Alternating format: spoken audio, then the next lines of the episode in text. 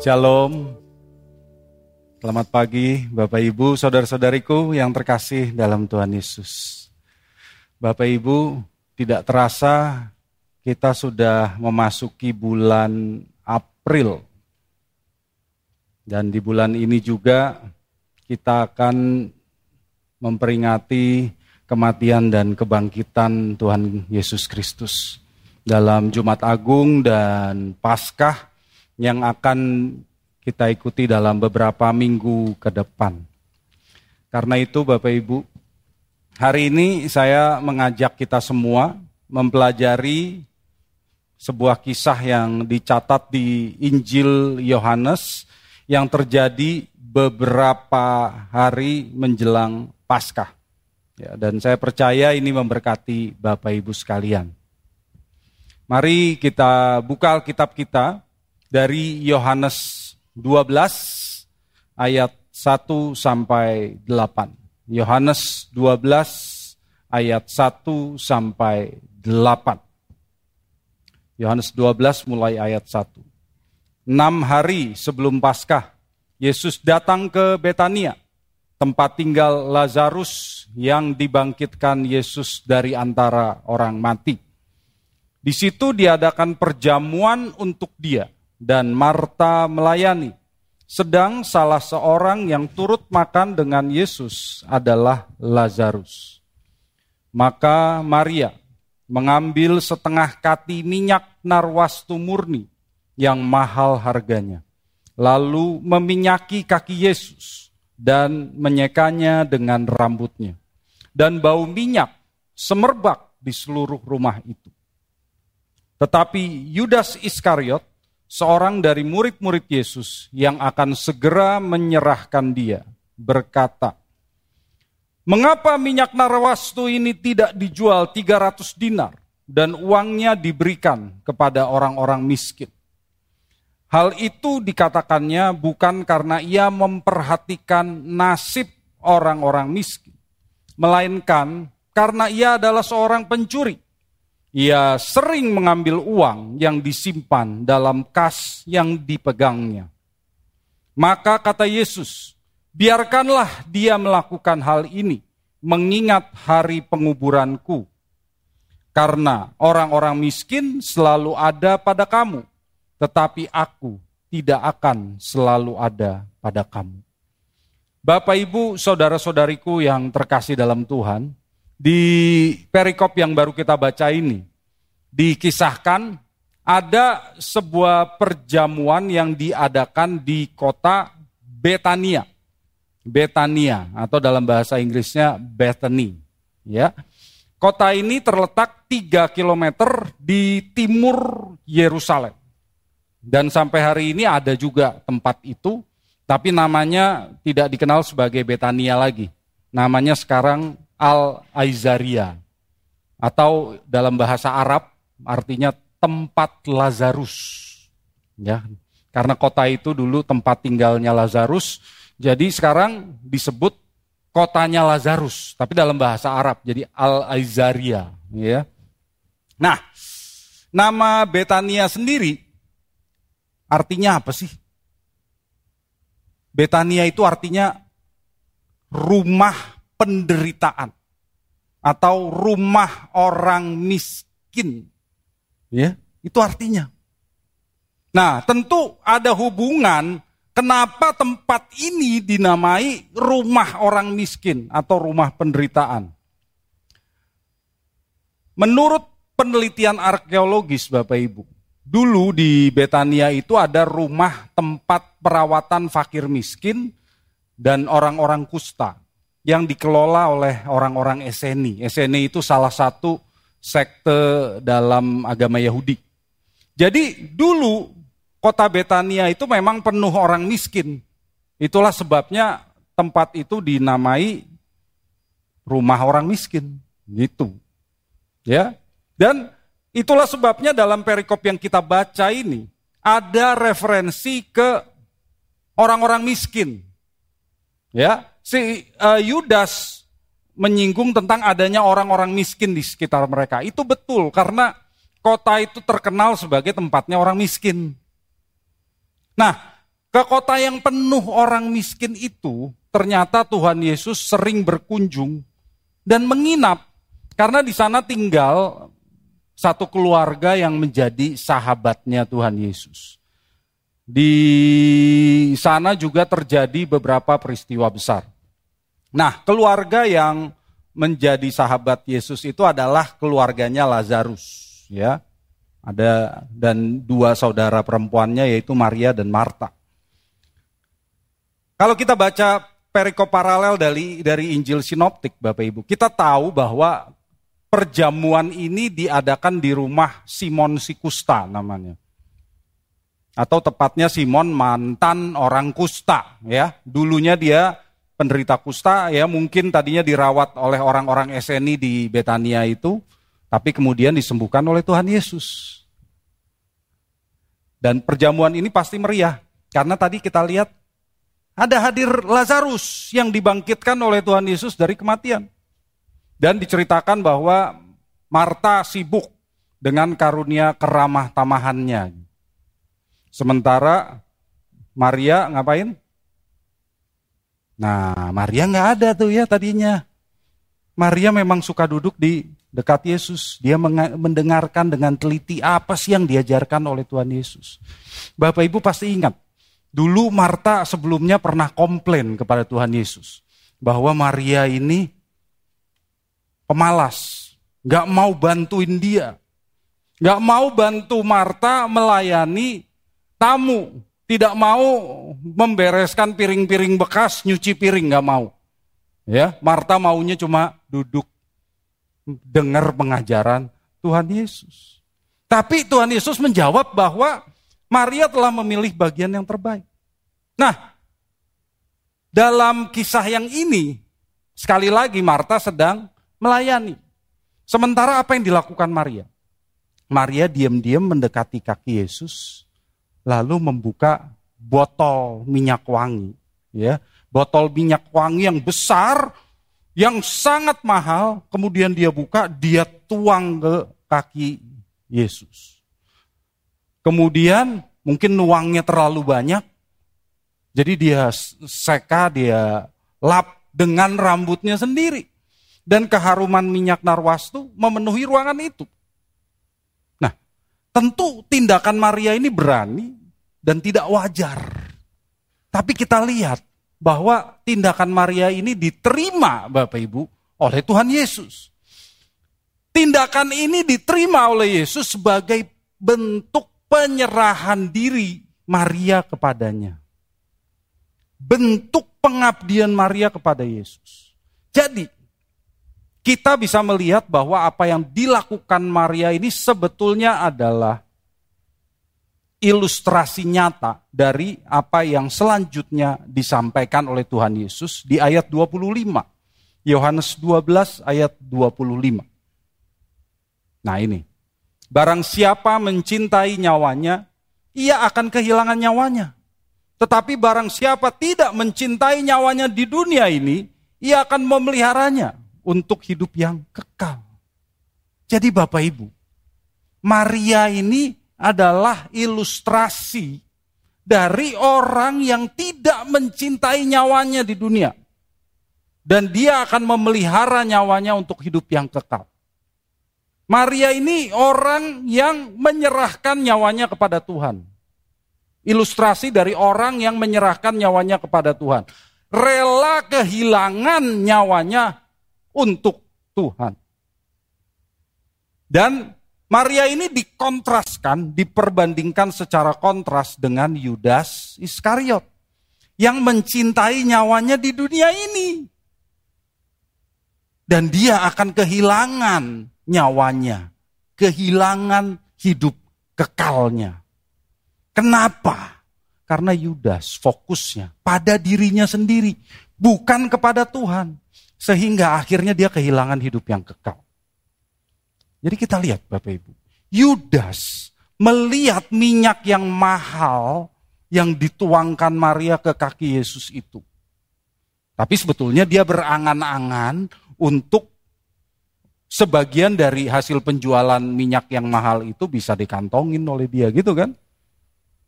Makanya dia akhirnya berapa hari kemudian menjual Yesus. Dan menjual Yesus dengan hanya sejumlah kecil uang. 30 keping uang perak. Menurut keluaran 21 ayat 32 ini harga seorang budak Bapak Ibu. Jadi 30 keping perak itu harga seorang budak. Terlalu murah. Makanya jangan heran kalau akhirnya Yudas kehilangan nyawanya. Yudas kehilangan hidup kekalnya. Jangan heran. Di sini Bapak Ibu, kita melihat bahwa tindakan Maria adalah ilustrasi dari penyerahan diri yang sangat mahal.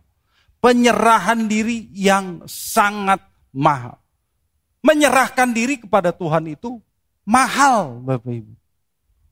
Kalau kita tidak menyadari bahwa menyerahkan diri kepada Tuhan itu mahal, mungkin ada pemahaman kita yang belum benar.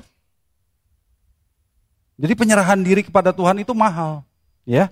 Nah, coba kita pelajari bersama apa dari perikop ini yang merupakan eh, hal-hal uh, yang kita perlu dalami tentang penyerahan diri kita kepada Tuhan.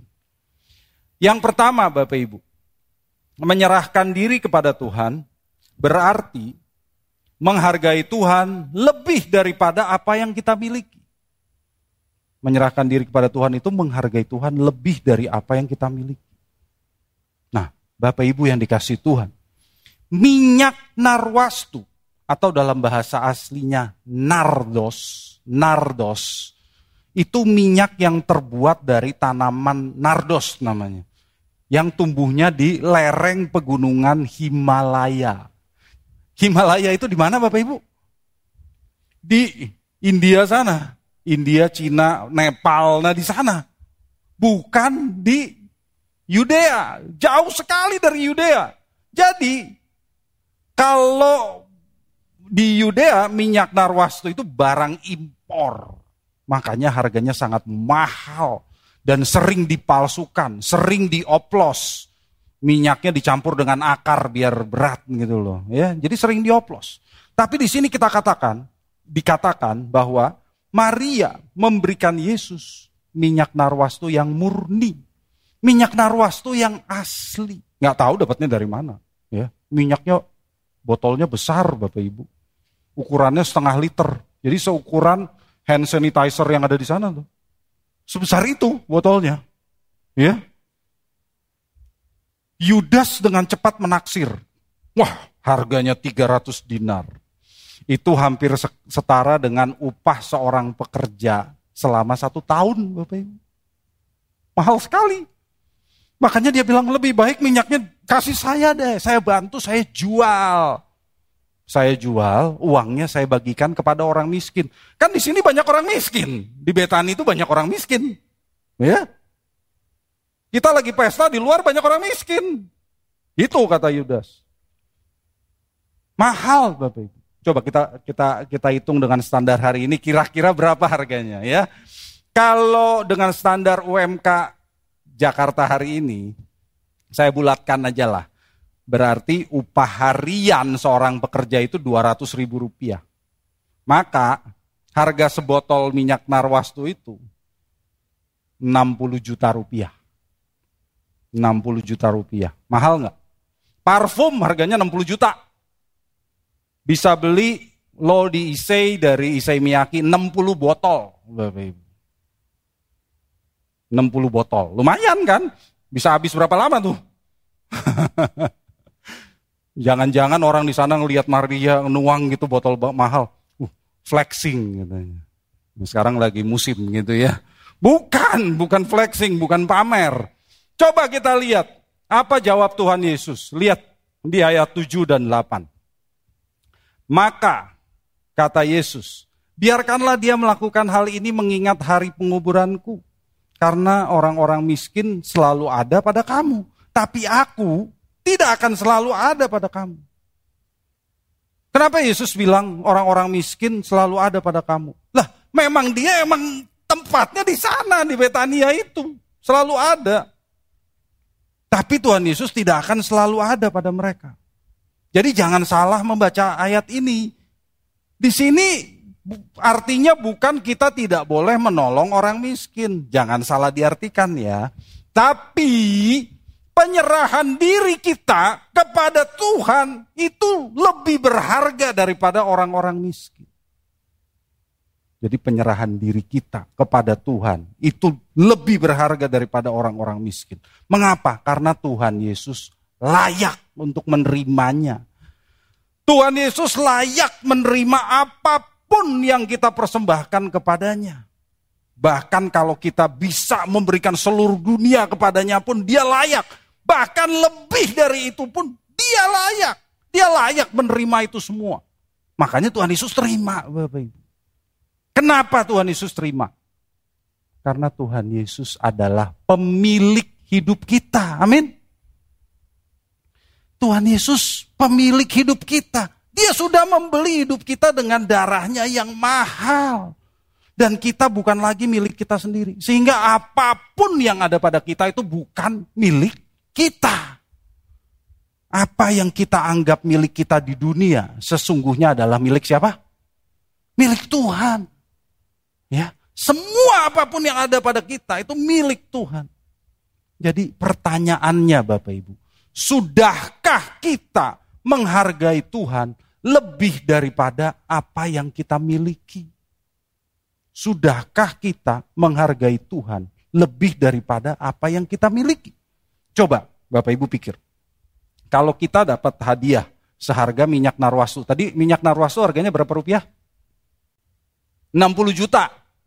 Nah, kita dapat hadiah 60 juta. Apa yang kita lakukan? Nah, 60 juta nih, ya. Jual dapat uang 60 juta, 10 persen. Saya kasih perpuluhan. Sisanya 90 persen buat saya. Loh, bener nggak tuh?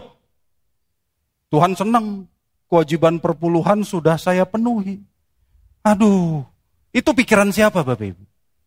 Kalau kita baca perikop ini. Ini pikiran siapa? Pikiran Yudas. Pikiran Yudas itu. Lihat, Maria memberikan semuanya kepada Tuhan. Tuhan Yesus tidak menolak pemberian Maria karena memang dia layak menerima itu semuanya juga miliknya. Jadi Bapak Ibu jangan salah ya, ini saya bukan lagi khotbah tentang persembahan loh, bukan. Ya, saya tidak sedang memotivasi Bapak Ibu memberikan persembahan ke gereja. Enggak. Saya tidak berkata kalau Bapak Ibu dapat penghasilan semuanya harus diberikan ke gereja. Tidak sama sekali. Karena penghasilan Bapak Ibu bukan milik gereja. Penghasilan Bapak Ibu milik siapa? Milik Tuhan. Bukan milik gereja. Jadi kalau kita mengatakan bahwa kita menyerahkan diri pada Tuhan. Kalau kita mengatakan bahwa diri kita sepenuhnya adalah milik Tuhan Berarti apa pun yang ada pada kita adalah milik Tuhan. Dan dia berhak untuk mengatur penggunaannya Bapak Ibu. Tuhan Yesus berhak untuk mengatur apa harta apa yang dia inginkan bagi penggunaan harta kita tersebut. Jadi bukan 10% hak Tuhan, 90% hak saya. Bukan. Semuanya milik Tuhan. Dan Tuhan pasti akan memberikan hikmat kepada Bapak Ibu, Saudara dan saya yang mau taat agar kita tahu kehendak Tuhan bagi kita untuk penggunaan uang dan harta yang ada pada kita itu apa. Tuhan akan kasih hikmat kepada kita. Jadi saya juga ingatkan ini jangan sampai jadi alasan. Alasannya begini, toh semuanya milik Tuhan, jadi saya tidak perlu kasih persembahan. Toh saya pernah dengar loh orang bilang begitu. Semuanya milik Tuhan. Ya udah, saya nggak usah kasih persembahan ke gereja. Waduh, salah itu kelicikan pikiran siapa? Pikiran Yudas, Bapak Ibu. Tuhan akan memerintahkan kita untuk menggunakan harta kita dengan cara yang terbaik sesuai dengan kehendak Tuhan. Tentu itu termasuk persembahan ke gereja. Tentu itu termasuk merawat orang tua. Tentu itu termasuk pendidikan. Tentu itu termasuk membantu orang-orang miskin. Semua Tuhan akan memberikan hikmat kepada kita. Mau apa Tuhan dengan apa yang ada pada saya? Tuhan pasti akan memberikan hikmat. Amin. Jadi ingat Bapak Ibu, dari cara kita menggunakan uang dan harta kita akan tampak apakah kita sungguh-sungguh mengasihi Tuhan atau tidak. dari cara kita menggunakan uang dan harta kita akan tampak apakah kita sungguh-sungguh menyerahkan diri kepada Tuhan atau tidak. Itu kelihatan dari cara kita menggunakan harta kita. Kalau kita menghargai Tuhan lebih daripada apa yang ada pada kita, maka kita akan taat kepada kehendaknya. Minta hikmat kepada Tuhan. Tuhan, apa yang kau inginkan? Saya akan lakukan. Ya. Sehingga kita menyenangkan hati Tuhan. Amin. Ya, yang kedua. Menyerahkan diri kepada Tuhan berarti menghargai Tuhan lebih daripada harga diri kita. Menyerahkan diri kepada Tuhan berarti menghargai Tuhan lebih daripada harga diri kita. Di sini, Yohanes 12 ayat 3 tadi kita baca. Maria meminyaki kaki Yesus dan kemudian menyekanya dengan apa? Rambutnya Bapak Ibu, dengan rambutnya. Nah, kalau menyeka kaki, membasuh kaki saja itu udah tugasnya hamba. Di zaman itu, tugas pembantu, tugas hamba. Dan di pasal berikutnya, Yohanes 13, Yohanes juga menceritakan bagaimana Yesus memberi teladan dengan membasuh kaki murid-muridnya. Jadi di sini Maria menempatkan dirinya sebagai hamba. Juga Maria mengeringkan kaki Yesus bukan pakai handuk, tetapi pakai rambut. Nah, perlu diketahui bahwa di zaman itu perempuan Yahudi yang saleh tidak akan membiarkan rambutnya itu terurai di, di depan umum. Nggak akan Bapak Ibu. Kenapa? Kalau yang membiarkan rambutnya terurai nggak pakai kerudung, itu adalah tanda perempuan nakal. Itu di zaman itu. Jadi kalau Maria membiarkan rambutnya terurai lalu memakainya untuk menyeka kaki Yesus. Orang-orang di sekitarnya itu langsung, gitu. Ya. Tapi Maria nggak peduli itu. Apa kata orang lain? Bagi Maria Tuhan Yesus itu segalanya. Dan dia mau menyerahkan dirinya kepada Yesus. Dia mau mengabdikan diri sepenuhnya bagi Yesus. Bagi Maria, penyerahan dirinya kepada Tuhan Yesus itu jauh lebih tinggi daripada harga dirinya, Bapak Ibu. Sekalipun tindakannya itu akan membuat orang-orang di sekitarnya nyinyir, nggak peduli Maria. Dan ternyata Tuhan Yesus menerima dan menghargai tindakan Maria. Sekarang saya mau mengajak Bapak Ibu merenung. Sudahkah saya menghargai Tuhan Yesus lebih tinggi daripada harga diri saya sendiri? Kalau teori mudah Bapak Ibu, tapi coba kalau kita pikir, benar nggak saya menghargai Yesus itu lebih tinggi daripada harga diri saya?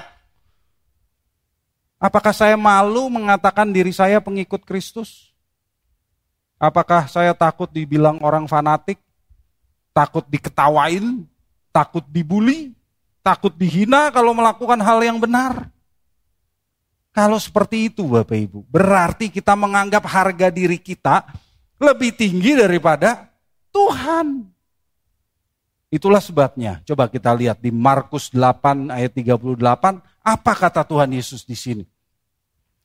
Sebab barang siapa malu karena aku dan karena perkataanku di tengah-tengah angkatan yang tidak setia dan berdosa ini, anak manusia pun akan malu karena orang itu apabila ia datang kelak dalam kemuliaan Bapaknya diiringi malaikat-malaikat kudus. Jadi Bapak Ibu, harga diri kita itu setinggi apa sih? Dibanding apa yang Tuhan berikan kepada kita coba. Kasihnya, anugerah keselamatannya, pengorbanannya. Coba bandingkan dengan itu, harga diri kita setinggi apa sih? Nggak ada apa-apanya Bapak Ibu. Kita ini hamba-hamba yang melayani Tuhan. Jadi jangan malu, jangan pikir apa kata orang lain kalau saya serius menyerahkan diri saya kepada Tuhan. Jangan malu.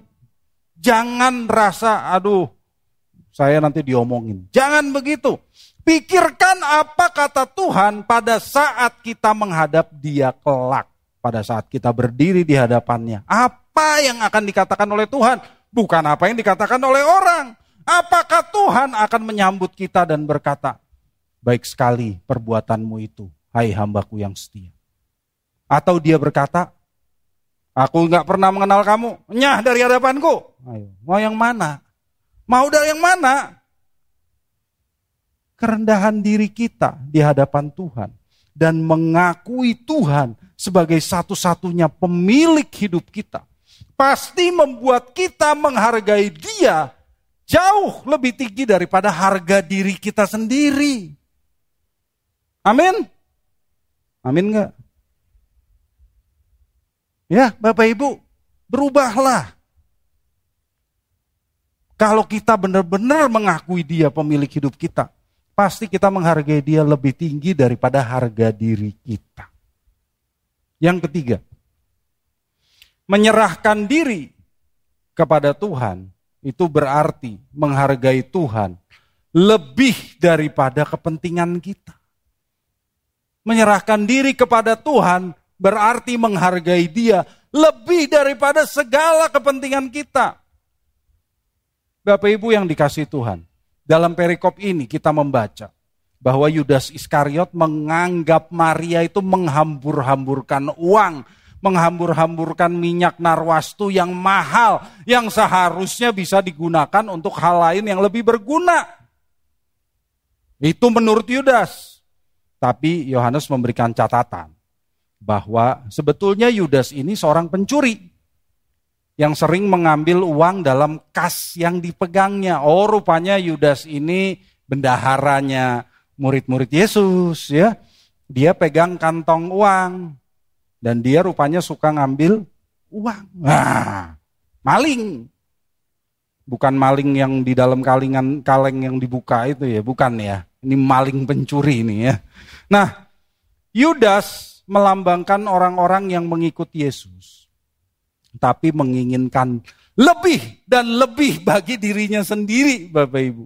Apa yang ada padanya, apa yang ada pada Yudas itu dipakainya untuk kepentingan Sendiri. Semuanya? Enggak, enggak semuanya. Coba Bapak Ibu pikir. Kalau Yudas ngambil uang dari kantong kas para murid, apakah diambil semuanya? Ya nggak mungkin lah, pasti ketahuan. Pasti diambil sedikit. Diambil sedikit, ya. Sebagian uang itu dipakai untuk kepentingan dirinya. Apa sih yang dilambangkan dengan hal ini? Artinya, Yudas tidak mengakui bahwa dirinya sepenuhnya milik Tuhan. Dia menyerahkan diri kepada Tuhan. Dia menjadi murid Yesus. Tetapi sebagian. Nggak sepenuhnya. Ada yang disisakan buat dirinya sendiri. Dia ambil sedikit buat dirinya sendiri. Mencuri dari Tuhan. Dia ngambil sedikit. Bagaimana dengan kita, Bapak Ibu, orang-orang Kristen hari ini? Coba kita pikir, untuk apa sih kita mencari Tuhan? Untuk apa kita cari Tuhan? Apakah untuk kepentingan kita sendiri? Enggak apa, enggak. Sedikit ada enggak? Ada enggak? Sedikit saja untuk kepentingan kita. Katanya kita menyerahkan diri bagi Tuhan. Katanya diri kita bukan milik kita sendiri. Katanya apa yang ada pada kita milik Tuhan. Kalau kita masih menyisakan sedikit untuk kepentingan kita sendiri, berarti kita mencuri dari Tuhan. Itu roh Yudas, Bapak Ibu. Ya, nggak boleh ada yang disisakan buat kepentingan diri kita sendiri. Maka motivasi kita dalam melayani Tuhan sama sekali tidak boleh menyangkut kebutuhan, kepentingan kita sendiri. Melayani Tuhan, menyerahkan diri kepadanya, berarti menghargai dia lebih daripada segala kepentingan kita. Lebih daripada segala yang kita butuhkan. Lebih daripada segala keinginan kita. Kita lepaskan itu semuanya. Ngomong gampang, tapi Prakteknya nggak gampang. Ya. Jadi coba saya kasih beberapa contoh. Untuk apa sih kita memberikan persembahan? Apakah agar kita diberkati Tuhan berlipat kali ganda? 30 kali lipat, 60 kali lipat, 100 kali lipat. Itu Tuhan atau robot trading? Benar nggak? Untuk apa kita jadi makmur? Hah? Untuk apa kita kasih persembahan supaya jadi makmur? Supaya kekayaan bangsa-bangsa datang pada kita? Itu Tuhan atau afiliator binary option? Coba. Mana mungkin orang yang punya motivasi seperti itu mengatakan dirinya menyerahkan diri kepada Tuhan. Gak mungkin Bapak Ibu. Oke, saya nggak gitu Pak. Oke, yang lain. Untuk apa kita nolong orang miskin? Untuk apa kita menolong orang yang susah dan tertindas? Apakah agar orang lain tahu bahwa kita adalah orang yang murah hati? Apakah agar orang-orang yang saya tolong itu menghargai saya, menghormati saya? Itu tentu motivasi yang salah, Bapak Ibu. Tapi mungkin kita pikir lagi, eh, saya menolong orang miskin karena saya kasihan nasib mereka yang malang.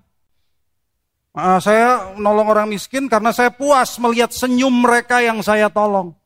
Itu pun sesungguhnya motivasi yang salah. Kenapa? Karena kita masih menyangkut kepentingan kita. Kita mau mencari kesenangan kita dan mencuri dari Tuhan. Pelayanan nggak boleh gitu. Nggak boleh menyangkut kepentingan kita sekali sedikit pun. Saya senang nolong dia. Enggak, bukan kita yang senang. Kita senang kalau kita menyenangkan Tuhan, Bapak Ibu. Jadi tentu kita bahagia kalau kita bisa menolong orang-orang yang membutuhkan dan kita puas melihat hasilnya. Itu nggak salah, itu manusiawi. Tapi jangan jadikan itu motivasi utama kita dalam melayani. Motivasi kita dalam menolong orang haruslah Tuhan sendiri. Motivasi kita dalam menolong orang itu harus Tuhan sendiri. Karena kita sudah menyerahkan diri kita kepada Tuhan. Kita menyadari bahwa dia layak untuk menerima pengabdian kita dan oleh kasih kita kepadanya, kita ingin melakukan apa pun yang dikehendakinya. Apa pun yang menyukakan hatinya, itulah yang kita lakukan. Jadi kita menolong orang lain mengapa? Karena kita ingin menyukakan hati Tuhan. Itu motivasi utama saya. Saya tahu Tuhan senang saya menolong orang, maka saya lakukan. Bukan supaya saya yang senang. ya, Bukan supaya saya yang senang. Coba pikirannya diubah dikit. Ya, yang senang Tuhan. Saya senang kalau Tuhan senang. Tujuan saya menyenangkan Tuhan. Itu baru pikiran Maria. Bukan pikiran Yudas. Jadi Bapak Ibu mau seperti Maria atau seperti Yudas? Nah, Yudas ya. Ulang, ulang. Bapak Ibu mau jadi seperti Maria atau seperti Yudas? Sebagian masih ragu-ragu ya. Jangan seperti Yudas, Bapak Ibu, kehilangan nyawanya loh. Benar nggak? Ya? Jadilah seperti Maria. Menyerahkan diri sepenuhnya pada Tuhan. Jadi lihat Bapak Ibu dalam segala hal yang kita lakukan. Tuhan itu melihat hati kita. Tuhan bukan melihat apa yang kita lakukan di luar. Manusia bisa munafik. Manusia bisa menutup-nutupi alasan. Bisa pura-pura baik bisa pura-pura ramah, bisa pura-pura saleh, bisa pura-pura rendah hati. Benar nggak? Pura-pura rendah hati itu hebat loh. Bisa pura-pura rendah hati. Itu bisa. Pura-pura tulus. Bisa. Bukan pura-pura jadi tulus penyanyi, bukan. Ya pura-pura hatinya tulus. Bisa itu, saya udah sering lihat. Tapi Tuhan tahu segalanya yang tersembunyi dalam hati kita. Maka coba Bapak Ibu, jujurlah dengan diri kita sendiri. Minta roh kudus menyingkapkan segala motivasi yang salah dalam diri kita. Minta roh kudus mengajar bahwa motivasi kita dalam melayani Tuhan hanyalah untuk Tuhan sendiri Bapak Ibu. Semuanya untuk kepentingan dia. Tidak ada satupun sekecil apa pun yang kita sisakan untuk kepentingan kita sendiri. Lalu Pak, kalau begitu kita sendiri gimana dong Pak? Nah, kalau kepentingan saya nggak penting, gimana dong Pak? Bukan nggak penting. Bapak Ibu percaya nggak bahwa Tuhan memelihara kita? Amin. Kalau burung pipit yang murah saja dipelihara oleh Tuhan, apalagi kita Bapak Ibu. Jadi nggak ada alasan bagi kita untuk khawatir. Tuhan sudah mengasihi kita lebih dulu. Dia sudah mati di kayu salib yang nanti kita peringati beberapa minggu ke depan untuk menyelamatkan kita. Coba apa lagi yang masih kurang? Apa lagi yang masih kurang? Kalau soal kebutuhan jasmani kita sehari-hari dengan pimpinan Tuhan, kita bisa hidup bertanggung jawab dan teruslah percaya Tuhan pasti memelihara kita. Dia Allah yang baik dan tidak pernah meninggalkan kita. Amin. Jadi kembali saya tanyakan kepada Bapak Ibu, apakah Bapak Ibu menghargai Tuhan lebih daripada kepentingan Bapak Ibu sendiri? Amin. Praktek kita menghargai Tuhan itu bukan cuma pada saat kita melayani di gereja, pelayanan kita pada masyarakat yang membutuhkan ya. Dalam kehidupan sehari-hari kita loh. Dalam pekerjaan usaha kita, dalam studi kita, kegiatan yang lain, kita juga harus melakukan hal yang sama. Bentuk pelayanan ke kita kepada Tuhan itu bukan cuma di gereja loh. Kalau kita keluar nanti, keluar dari pintu gereja, lalu kita kembali ke kegiatan kita sehari-hari, kita ini pelayan siapa? Pelayan Tuhan kan? Jadi tetap kita melayani Tuhan juga.